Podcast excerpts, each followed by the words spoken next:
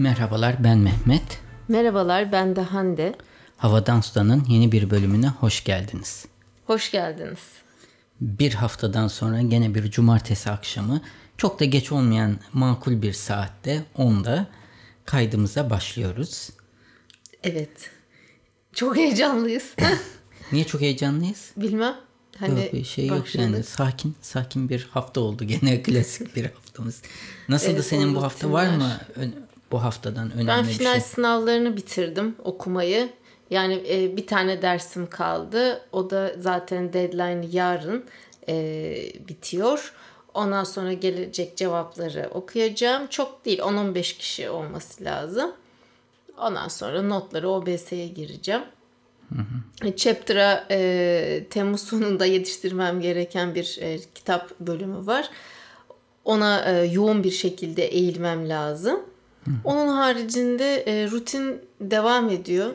E, ve böyle yemek yapmaktan gerçekten sıkıldım. Çok Hı. net. Zaten sevmezdim. Hani 40 yılda bir böyle hazırlayayım, özenle, heves edeyim falan ama şu an tabii öncelik hep e, Poyraz'da olduğu için e, sağlıklı da e, beslenmemiz gerektiği için e, böyle hani menüyü düşün, tarifini işte anneden al, şöyle mi yapayım, böyle mi yapayım? Yani bir kabak dolma yapıyorum, İzmir köfte yapıyorum ve hayatımda ilk defa yapıyorum bunları. Kolay gelsin. Evet. Her şeyin bir başlangıcı vardır. Mehmet işin şaka kısmında tabii ama e, gerçekten insanın sırtı ağrıyormuş yani mutfakta bu kadar uzun kalınca. evet. Onun dışında çok da önemli bir şey yok. Türkiye'de de önemli bir şey var mıydı?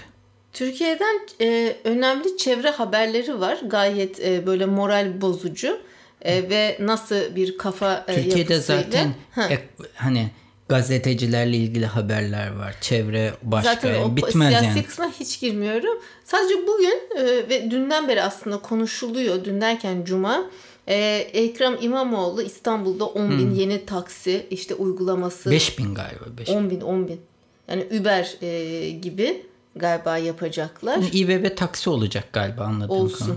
20 bin olsun. Arkasındayım.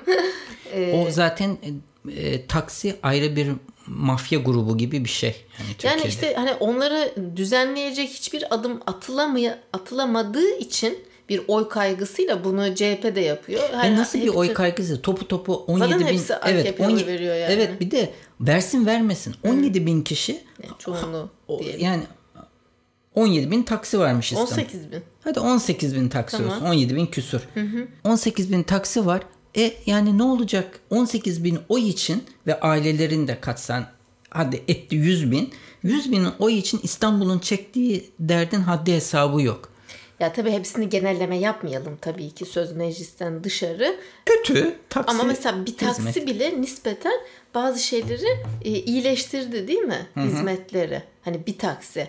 E, dolayısıyla burada da İBB taksi ben destekliyorum. Bakalım ne gibi standartlar gelecek işte. Ya rekabet olsun yani. Kesinlikle. Ben zaten Uber olsun demiyorum. Ama Tabii. Uber tarzı sistemlere izin verirsin. Adam vergi kaydını oluştursun. Şeyini açsın Vergisini şirketin. versin. Öyle ha. bin lira şeyden senenin başında ne götürü usulü vergi Hı. yazıp da biz her harcamamızı maaşımızdan kesilirken sen her kazancının kuruşu kuruşuna vergisini verirken Burada taksi sahipleri yok işte dediğin gibi mafya var bir şekilde. Bin lira ne ya? Senede e, bin lira vergi mi olur? Götür usulü bir vergi sistemi var. O yüzden de Uber tarzı sistemler de gelsin. Orada da rekabet olsun. Tek bir firma olmasın. Uber olsun, X olsun, Y olsun, Lyft olsun. evet. Çok şirketler olur. Belki evet. böyle bir şey izin çıkarsın. Mesela bir taksi bunun şey benzerini çıkartır. Kendi Hı-hı. yürüttüğü benzer bir sistemi çıkartır. O yüzden rekabet iyidir. Evet, kaliteyi evet. arttırır, fiyatları evet. düşürür. Evet, çünkü şu anda işte taksi şoförü şunu dövüp para aldı falan gibi. Bir de hapse de girdikleri yok. Tabii, abuk kubuk yaptıkları Hı. işlerin sonucunda. Ben yemek yapmaktan sıkıldım Hı. dedim. Aslında buradan konuyu Hı. bence bir yere bağlayalım. Yani ha, gene koronayla evet şurada eşitsizlikleri nasıl arttırdı e, diye. Hmm, bir haber mi görmüştün sen? Haber gördüm. Sen de ah aynı benim durumum dedin ya böyle burada bir erkek e, figürü var ve kucağında bir bebeğle değil mi? Bu konuları biraz aslında daha önce konuşmuştuk ama Hı-hı. Deutsche Welle'de çıkan bir haber. Sen T- çok takip ediyorsun Deutsche Welle'yi. Twitter'da takip ediyorum. İlginç gördüğüm haberleri de okuyorum bu şekilde. Artık e, yayınlar böyle daha çok takip ediliyor. Bu işte Covid-19 sebebiyle evden çalışma, bu tarz işler tabii işte İngiliz yazar Virginia Woolf kendine ait bir oda kitabında kadınların erkeklere ekonomik olarak bağımlı olmalarının ve kendilerine ait özel bir alana sahip olmamalarının onları yazmaktan alıkoyduğundan bahsediyormuş. Hı hı. Ee, ve bu Covid-19'da bunun gene ortaya çıktığı bir durum. Senle daha önce birkaç defa konuştuğumuz konulardan biri e, bu çıkan durum yeni eşitsizliklerin ortaya çıkardığı şeklinde. İnsanlar işte evden çalışmaya başladığında evde bir de çocuk varsa o çocukla ilgilenmek gerekiyor. Ee, ve evden çalışmanın güçlükleri ortaya çıkıyor. Özellikle aynı evde çalışanlar açısından.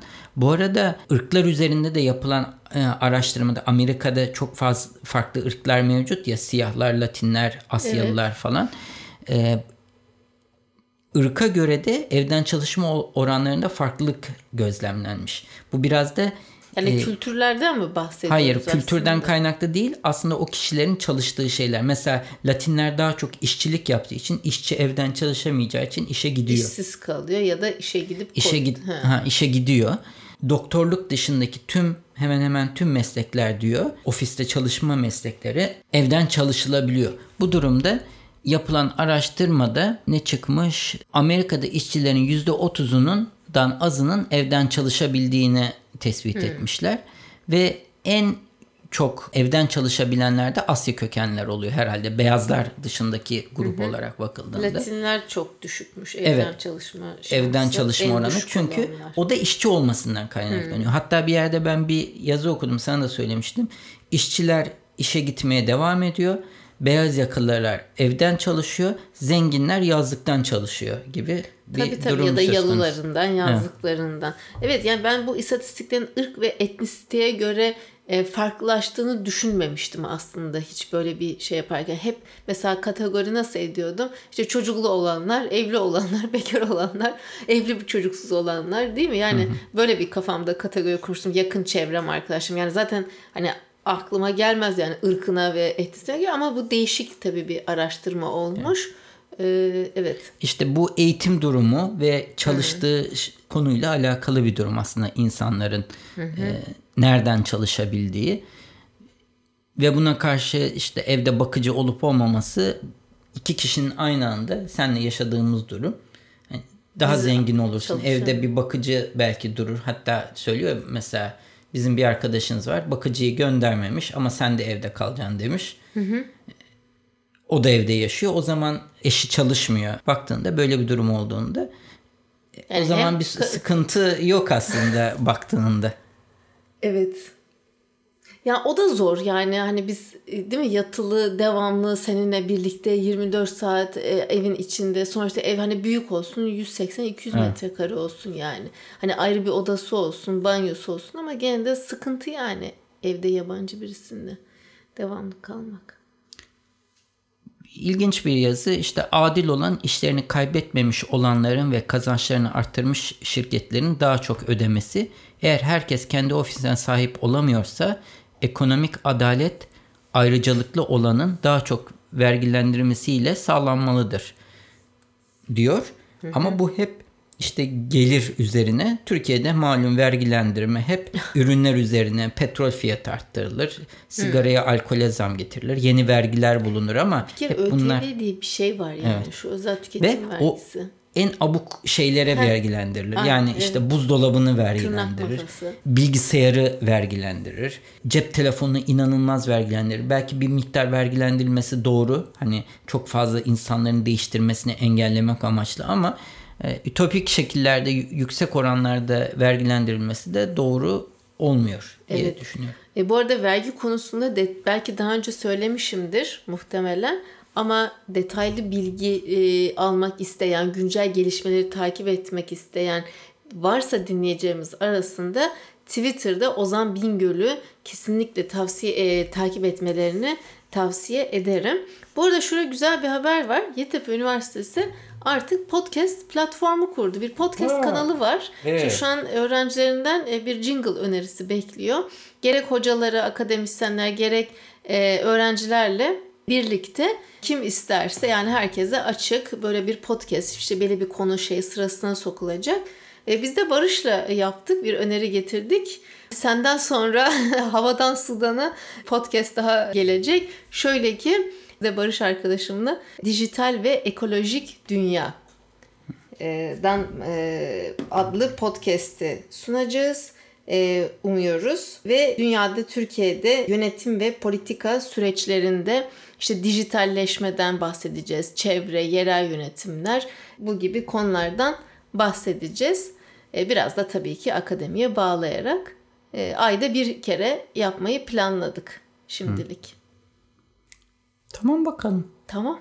Sen de Gökhan'la podcast yapıyordun. Tamam yapın. Ben bir Üzülme. edit daha... Yok hiç üzülmüyorum ama yolunuz açık olsun diyor. Kim editleyecek? İşte işin o kısmı biraz sıkıntılı. Şöyle edit yok. Sadece sen bana şu noise'ları hani yok etmeyi hmm. öğretirsen bir buçuk iki dakikacık bir süre alıyor zaten çok fazla değil. Ben bir tek onları e, temizlerim. Hmm. Ondan sonra onu yaparım ben öğreneyim yani. Ama edit kısmı yok. Yani öyle bir vakit de yok yani. Tamam. İyi. Hayırlı tamam. olsun. Öyle. Şimdi ben bir çevre haberlerime geçeyim. Üç tane kısa kısa çevre haberim var. Söyleyeyim mi? Söyle bakalım. Şimdi birincisi Yeşil Ekonomi sitesinden dünyanın kaynakları bu yıl 22 Ağustos'ta tükenecekmiş Mehmet. Covid-19 salgını sebebiyle dünya limit aşım günü 15 yıl önceki seviyeye çekilmiş. Yani küresel ayak izi ağı dünya limit aşım gününü bu yıl 22 Ağustos olarak tarihini belirlemiş. Şimdi e, dünya limit aşım günü nedir diye sorduğunda insanlığın doğa üzerinde bir takvim yılı içerisinde yarattığı talebin dünyadaki doğal kaynakların yenilenme hızını aştığı günü belirtiyor. Tamam? Tamam. Bu birincisi. İkincisi güzel haber şu. Batarya geri dönüşümü. Tamam mı? Norveç ve İsveç ortaklığı kurulmuş batarya geri dönüşümünü yapmak üzere e, işte dur bakayım İsveçli batarya üreticisi Northvolt, Norveçli alüminyum şirketi Hydro elektrikli araç bataryalarının geri dönüşümü için %50-%50 hisse e, oranları ile bir ortak şirket kurmuş. İşte büyük bir fabrika, geri dönüşüm fabrikası kurulacakmış. Ve adamlar işte bunları geri dönüştürmeyi planlıyor. Böyle güzel işbirlikleri.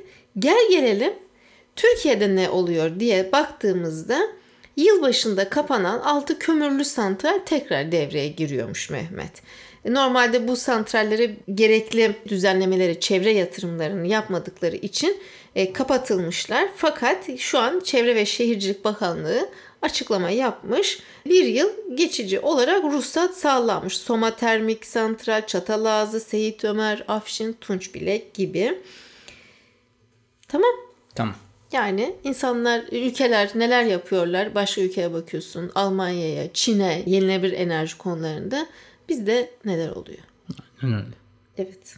Orada yapılması gereken bu santrallere verilen tüm teşviklerin geri alınması sahibi olunan firmalardan ve santrallere de uymadıkları için el konulması. Yani en Hı-hı. temiz yapılacak şey o aslında. Kap- kapatılsın direkt. Ha. Hayır kapatılması değil. Sen uymuyorsun. El koyuyoruz. Çalıştıramıyorsun da. Sonuçta bunlar özelleşmiş. Devletinken özelleştirmiş Hı-hı. olanlar. Sen şartları yerine getiremediğin için el koyuyoruz. Hadi vay vay diyeceksin. Bu kadar yani. Ya işte biz o arka planda neler oluyor pek bilemiyoruz ki. Bir sonraki haberim de benim gene uzaktan çalışma üzerine. Diyor ki e, Fast Company haberi insanlar her yerden çalışabilecekse Silikon Vadisi'ne hala gerek var mı? Buradaki en büyük konu bu geçen korona günleri sırasında yaklaşık 2,5-3 aylık süre içinde e, insanların uzaktan çalışmaya, evden çalışmaya e, devam etmesi ve bu arada birçok şirketin de performansta artış gözlemlenmesi şeklindeymiş. Firmaların %70'i daha insanların daha iyi çalıştığını iddia ediyorlarmış uzaktan. Öyle mi? Evet. Ben Ve, oturarak ders anlatmak istemiyorum ama. Şimdi her şeye uymayabilir ama bazı şirketler e, bunlara mesela Facebook, Google, Twitter, Square ve Coinbase ve bunlara yak, e, aynı zamanda Shopify ve Walmart'ın da dahil olması bekleniyormuş. Bunlar bazı işlerin çalışanlarının yani güvenlik görevlisi değilsen tabii ki uzaktan çalışma gibi bir şey mümkün değil. Ama bir programcıysan yani e, orada olmayı gerekmeden belli bir brief alarak, bir bilgi alarak bir işi gerçekleştiriyorsan bu şirketler tamamen uzaktan çalışmayı serbest bırakacaklarmış. Yani sen bu kategoriye giriyorsan artık ben şirkete hiç bir daha gelmeyeceğim deme özgürlüğünü vereceklerini açıklamış Shopify ve Walmart dışındakiler. Diğerleri de Shopify Walmart'ın da bunu yakında duyuracağını söylüyorlar. Yani Facebook, Google, Twitter ve Square'de çalışıyorsan sen artık diyebiliyorsun ki ben işte hatta Amerika'da çalışıyorsun ben artık Türkiye'ye dönüyorum. Oradan çalışacağım diyebileceksin. Vay ve maaşını normal yatıracaklar. Ya bir Türkiye'de tek... yaşayıp dolarla maaş evet. alırsan zaten. Ama buna tek şey Facebook demiş ki ben e, yaşadığınız yere göre maaş ayarlaması yaparım e, akıllı demiş. yani şey. Evet. Yani. Bunu aslında uzun vadede çoğu firmada takip edebilir diyor. Hı hı. Silikon Vadisi'ndeki firmalar için. Çoğu da teknoloji firması olduğu için. Bunun da en büyük sebebi bu San Francisco ve çevresindeki bölgenin kiraların, yaşamanın korkunç derecede pahalı olması. Artık zaten 93'ten beri fiyat artışları astronomik rakamlara ulaşmış. San Francisco'da evet. değil mi? Ve insanların zaten ev bulması, düzgün bir ev bulması veya da yaşaması zaten zormuş. Biz bununla ilgili bir belgesel evet, izledik sen. Olabilir. Bu sayede de artık Silikon Vadisi'nin sanal olarak kalacağı yani çoğu firmanın çalışanlarının uzaktan kendi memleketlerine gideceği işte Amerika'daki hı hı. farklı yerlere gideceği. Bunun bazı şehirlerdeki maaşları yukarı çekeceğini e, sonuçta artık sen Amerika içindeki mesela teknoloji çalışanıysan herhangi bir yerde çalışabilir hale geleceksin. Veya da hatta bu firmalar belki dünyaya açılacaklar. Daha uygun fiyata mesela Türkiye'deki bir programcıyı işe alıp çalıştırmaya başlayıp daha uygun fiyata eleman bulabilecekler. Bütün hem e, kiraları belli şehirlerdeki kiraları ve e, yaşam zorluklarını aşağı çekerken insanlara da çok farklı yerlerde e, çalışma imkanı sunacağından bahsediyor.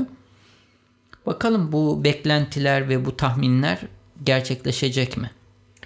Evet tabii tüm alışkanlıkları değiştiriyor. Yani iş yapma alışkanlıkları değil mi? Sosyalleşme tabii, tabii. her şey. Sosyalleşme deyince. Yani Türkiye'de Hı. de bu değişim olabilir. Hani bazı şirketler çok az şirkette olur. Ama Türkiye'deki az sayıdaki teknoloji firmasında da bu tarz değişimler olabilir diye düşünüyorum. Evet. İşte alışkanlıklar dedik, sosyalleşme, iş yapma dedik. Sosyalleşme alışkanlıkları. Biz ilk defa dışarıda yemek yedik biz. işte ailecek e, çok özlemişiz. Tabii Poyraz da daha büyüyünce daha da bir farklı oluyor. E, bugün de e, dondurma yiyelim dedik ama sen fark ettin mi bilmiyorum. Onca önleme, tedbire, rağmen ki konuşuyoruz en sevdiğimiz dondurmacımız hmm. Giran Dola biz yani oraya e, gittik. Bir de top şişirmemiz gerekti. Bir skeççiye uğradık karşısı çaprazında neyse. Ö- şeyle öpüştüler. Kızla. Bize şey e, hani orada gençler vardı ya hmm. dondurma koyan. Sahibi geldi kızcağız. Diğer kızı şakur şukur yanaklarından hemen o bankonun arkasında ben böyle gözlerim fal taşı gibi açıldı. Ne yapıyorsunuz? Tam dedim sonra sus sen de sana ne hani? Ama yani hiç iyi bir şey değildi. Bunca ben ailemi anamı öpmüyorum yani hani kaç zamandır. Onlar artık herhalde çok zaten e, tezgah arkasında işli dışıyız diye çok şey yapmıyor. Ya öpüşmeye verin ya. Yani hmm. ne olacak? Sen fark etmedin, görmedin görmedim, değil mi? Görmedim, Evet, neyse. E, buraya nereden geldik? Covid'den tabii ki ama benim e, sıradaki haberim Şimdi Covid ile ortaya çıkan bir başka konu daha var. Bir kavram sosyal dayanışma Mehmetçim. Ve bunu biz yerel yönetimlerde uygulamalarını çok başarılı ve çok farklı şekillerde görüyoruz. Hatta o kadar başarılıydı ki merkezi hükümet iptal etmeye bile çalıştı. E, değil mi? Bu para yardımları vesaire. Sonuçta başka e, metodlarla bu sosyal dayanışma kullanılmaya başlandı. Benim örneğim İzmir'den hatta senle geçen gün Dünya Bisiklet Günü'ydü. Ee, İzmir işte e, belediye Büyükşehir Belediye Başkanı Tunç Soyer'in böyle işte sırtında sırt çantası, takım elbisesi, elbise çantası, spor ayakkabısı bisikletin üzerinde. O havaları hatta biz seninle aramızda konuştuk. Ama Trudeau havası var. Kanada Başbakanı var ya o da böyle hmm. adamcağız. Siyasetçi tabii en nihayetinde. Neyse bu çok başarılı uygulamalardan uygulamalarından bir tanesi de öğrenciler için yapmış askıda İzmir'in kart dayanışmasını başlatmış bu kampanyayı ve e, dediğim gibi sosyo-kültürel ekonomik yaşamı büyük ölçüde, ölçüde etkileyen bu pandemiyle koronavirüs salgınıyla e, mücadelede sosyal dayanışma çok ön plana çıktı. Nakit yardımından erza, ücretsiz ulaşımdan askıda faturaya kadar farklı tabi kampanyalar düzenleniyor ama Tunç Soyer de bir şeyin altını çizmiş. Biz e, en baştan beri yani doğrudan nakit yardımı almıyoruz demiş işte. Ondan sonra alan el veren eli görmeyecek vesaire. E, bu şekilde askıda İzmir'im kart uygulamasını başlatmışlar. Ne yapıyorsun? Biz İzmir.com sitesi var uygulama. Buradan da Öğrenciler kimlik ve İzmir'im kart bilgileriyle yüklenmesini istedikleri biniş miktarını başvuru formuna gireceklermiş. Yardım etmek isteyen İzmirliler de e, bunlara kendi tabii maddi olanaklı ölçüsünde yardım edecekmiş. Aynı karta ayda bir defadan fazla yükleme de yapılmayacakmış. Bak ne güzel kontrol mekanizması da hemen yapmışlar. Sen niye hafif tebessümle e, ya dinliyorum seni. E, güzel ben e, ya benim çok hoşuma gidiyor bunlar. Yani yerel yöneticilerin bu kadar aktif beni 70'li yıllardaki sosyal demokrat e, belediyelere e, götürdü. Yani götürdü hmm. derken çok e, okuyordum yani bizzat tabii ben 2 yaşındaydım o zamanlar ama neyse. Yapılacak çok iş var zaten. Çok iş var. E, bu güzel örnekler de insana hani umut veriyor, heyecanlandırıyor diyebiliriz. Tamam. Bir de ben de son haberimi evet. geçeyim. Bunca Covid falan konuştuk. Tamamen onların dışında iş Hayır. dünyası teknolojiyle ilgili bir haber. Diyor ki 3 senede sıfırdan yeni bir işe başlayıp ve son derece rekabetçi bir alan olan tüketici elektroniği alanında işe başlayıp işe girişip 3 yılda Spotify'dan, Twitter'dan, Snap'ten, Shopify'dan ve AMD'den daha fazla gelir elde ederseniz herhalde çok büyük bir iş başarmış olursunuz diyor. Ve e, Apple'ın AirPod'u bunu gerçekleştirdi diyor. Hmm. Apple'ın AirPod'u 2019 yılında 7.3 milyar dolar gelir elde etmiş. AirPod. AirPod yani Vay kulaklığa takılan evet. kulaklık. Kulaklara takılan. Evet kulaklara takılan kulaklığı tamamen gene olmayan bir pazarı yarattı diyor. Aslında her şey kablosuz olurken hala insanlar çoğunlukla Bluetooth kulaklıklar hariç hep telefonlarına kulaklıklarını telefonlarına takarak gerçekleşiyordu. Ama bu Bluetooth'tan farklı olarak bunu çok pratik ve çok ufaltarak gerçekleştirdi diyor e, bu haber bu ürünle ilgili. Bunun etkisi olarak da o kadar iyi bir ürün ki diyor e, hı hı. benzerleri çıkmasına rağmen AirPod'a olan talep inanılmaz ölçüde yüksek olduğunu belirtmiş e, Apple'ın e, CEO'su Tim Cook tarafından. E, şimdi biraz da tabii bazı avantajları ve dezavantajları var. Mesela Apple Watch hiç olmayan bir sektörü yarattı ama momentumunu tutturması çok uzun yıllar aldı diyor belki de hani kulaklığın mantığı herkes tarafından anlaşıldığı için 3 senede çok ciddi bir pazar payını elde edebildi diyor. Ama bunun arkasında çok fazla bilimsel çalışma da var şeklinde belirtilmiş bu makalede. Mesela üniversite ile e, hangi üniversitesiyle Stanford tabi Amerika'da şeyde olduğu için o bölgede olduğu için Stanford zaten mezunları birçok çalışanı da orada. Yüzlerce insanın 3D'de kulakları taranmış ve bu e, sayede en uygun insanlara kulağına uyacak şekle karar verilmiş. Ergonomisine Ha, Evet kulağa uyum açısından. Düşünsene geliyorsun sırf bu iş için bir para harcanıyor. İnsanların kulaklarını tarattırıp bir da, veri tabanı oluşturuyorsun ve o kulağa uyacak or, en uygun şekli bulmaya çalışıyorsun. Ses alma, ses iletme bir sürü farklı ve yeni teknoloji var. Ben AirPod kullanmadığım için diğer kulaklıklarla olan fark hakkında bir fikrim yok. Bu kulaklıklarda pil değişmesi mümkün olmadığı için her şarjlı pil mesela telefonlarımızda dahil biliyorsun belli bir süre kullandıktan sonra artık pil çok hızlı boşalıyor oluyor. Ve diyor ki eğer bir şekilde pilin artık bozulursa Apple'a götürüyormuşsun. Apple'da tekrar değiştirilip sana hmm, tekrar getiriyormuş. Bedavada. Bedava mı bilmiyorum. Belki bir e, servisi vardır. Bu sayede de bir servis ücreti vardır. E, ama Olmaz tamamen ürün bu sayede çöpe gitmiyor. İlginç bir şey. AirPod tecrübesi olanlar varsa bir bize yorumlarını ve diğer kulaklıklarla olan farkını yazarsa ben memnun olurum. Yani nasıl bir fark var ve 7.3 milyar dolarlık bir dünya pazarı e, alacak kadar nasıl bir fark yarattılar e, öğrenmek isterim. Böyle. Evet. Senin haberin var mı başka? Benim var ama. Ha. Hep ama dedim mi senin artık ben Evet. Güzel Hı. bence toparlayalım. Zaten artık Hı. ben de bir e, yazı okudum. Özellikle tabii bunu pandemi de herhalde etkiledi. Yani ne şekilde etkiledi bilemiyorum ama Hı. yani böyle daha kısa süreli, çok uzun süren podcastler değil de daha böyle hap gibi işte daha kısa. Yani çok hap gibi de olmasın ama yani böyle 45 dakikada geçmesin ya. Yani 30 dakika iyidir. Ben ona katılmıyorum. Hani önemli olan konu ve içerik ve ilgi Kesinlikle. toplarsa. Mesela e, Serdar Kuzuloğlu bu adamcağız yani iki buçuk üç saat falan konuşuyor. moda nasıl moda oldu şu anda ben dinliyorum. Hatta hem YouTube'dan hem de podcast olarak yayınlıyor. Çok ciddi çalışma yapıyor. Hani evet. bizim yaptığımız çalışma yanında Biz, hiçbir şey. Hiç hiç tabii. Hiçbir şey. İnanılmaz bir kitap arşivi var. Zaten kütüphanesinden görüyorsun YouTube'da izlediğin evet. zaman kütüphanesinin halini. Ve çok alıntı yapıyor, şey yapıyor ve konular o kadar ilginç ki bir podcast'inin süresi bir saatten az değil. Hı hı. Ve buna rağmen de çok ciddi dinleyici e, Ama sayılarına YouTube ulaşıyor. kanalı var. Yani işte podcast'i evet. yapıyor, yüklüyor, kitapları anlatıyor. Yani bunu bir iş olarak e, yapıyor. Yani hı hı. biz daha yani Bak, biz hobi olarak şu yapıyoruz. anda kaçıncı? Dokuzuncu bölümde sırf hı hı. YouTube'daki takipçi sayısı 162 bin. Evet.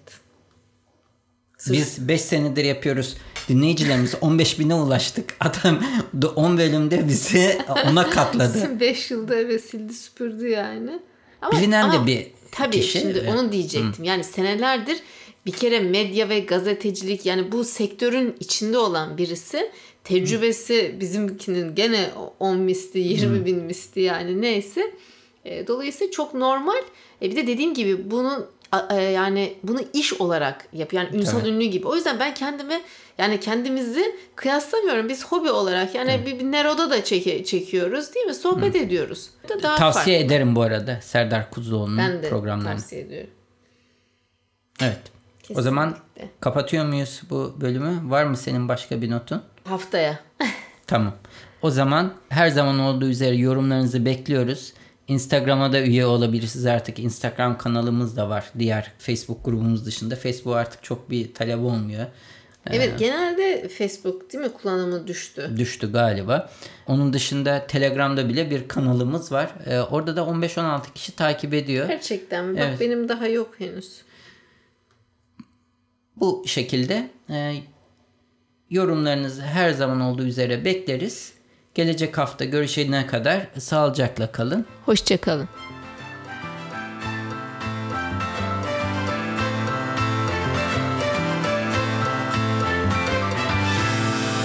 Müzik Arda Görgün Yayınlarımızı Apple Podcast, Google Podcast, Overcast, Spotify, Power FM farklı birçok akıllı telefon uygulamasından dinleyebilirsiniz. Bu www.35 rakamlı adresinde havadan sudan bölümüne girerek bölümlerinizi bilgisayarınız üzerinden de dinleyebilirsiniz. Yine aynı sayfa üzerinden her bölümde konuştuğumuz konulara ait bağlantılar ve videolar mevcut. Sayfanın sonunda da o bölümle ilgili arzu ederseniz yorumlarınızı bırakabilirsiniz.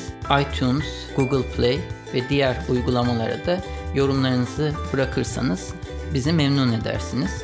Bize direkt ulaşmak isterseniz havadan sudan et 35mm.com adresi üzerinden e-posta ile ulaşabileceğiniz gibi Twitter'da bana et 35 mm Hande'ye de et Hande Tek Turan adresi üzerinden takip edebilirsiniz veya da direkt mesaj iletebilirsiniz. Son olarak da Facebook üzerinde Havadan Sudan isminde bir grubumuz mevcut. Bu grupta genellikle duyurularımızı ilettiğimiz gibi dinleyicilerimiz ilginç buldukları haberleri de paylaşıyorlar. Arzu ederseniz bu gruba üye olarak siz de diğer dinleyicilerimizle etkileşimde bulunma imkanını bulabilirsiniz.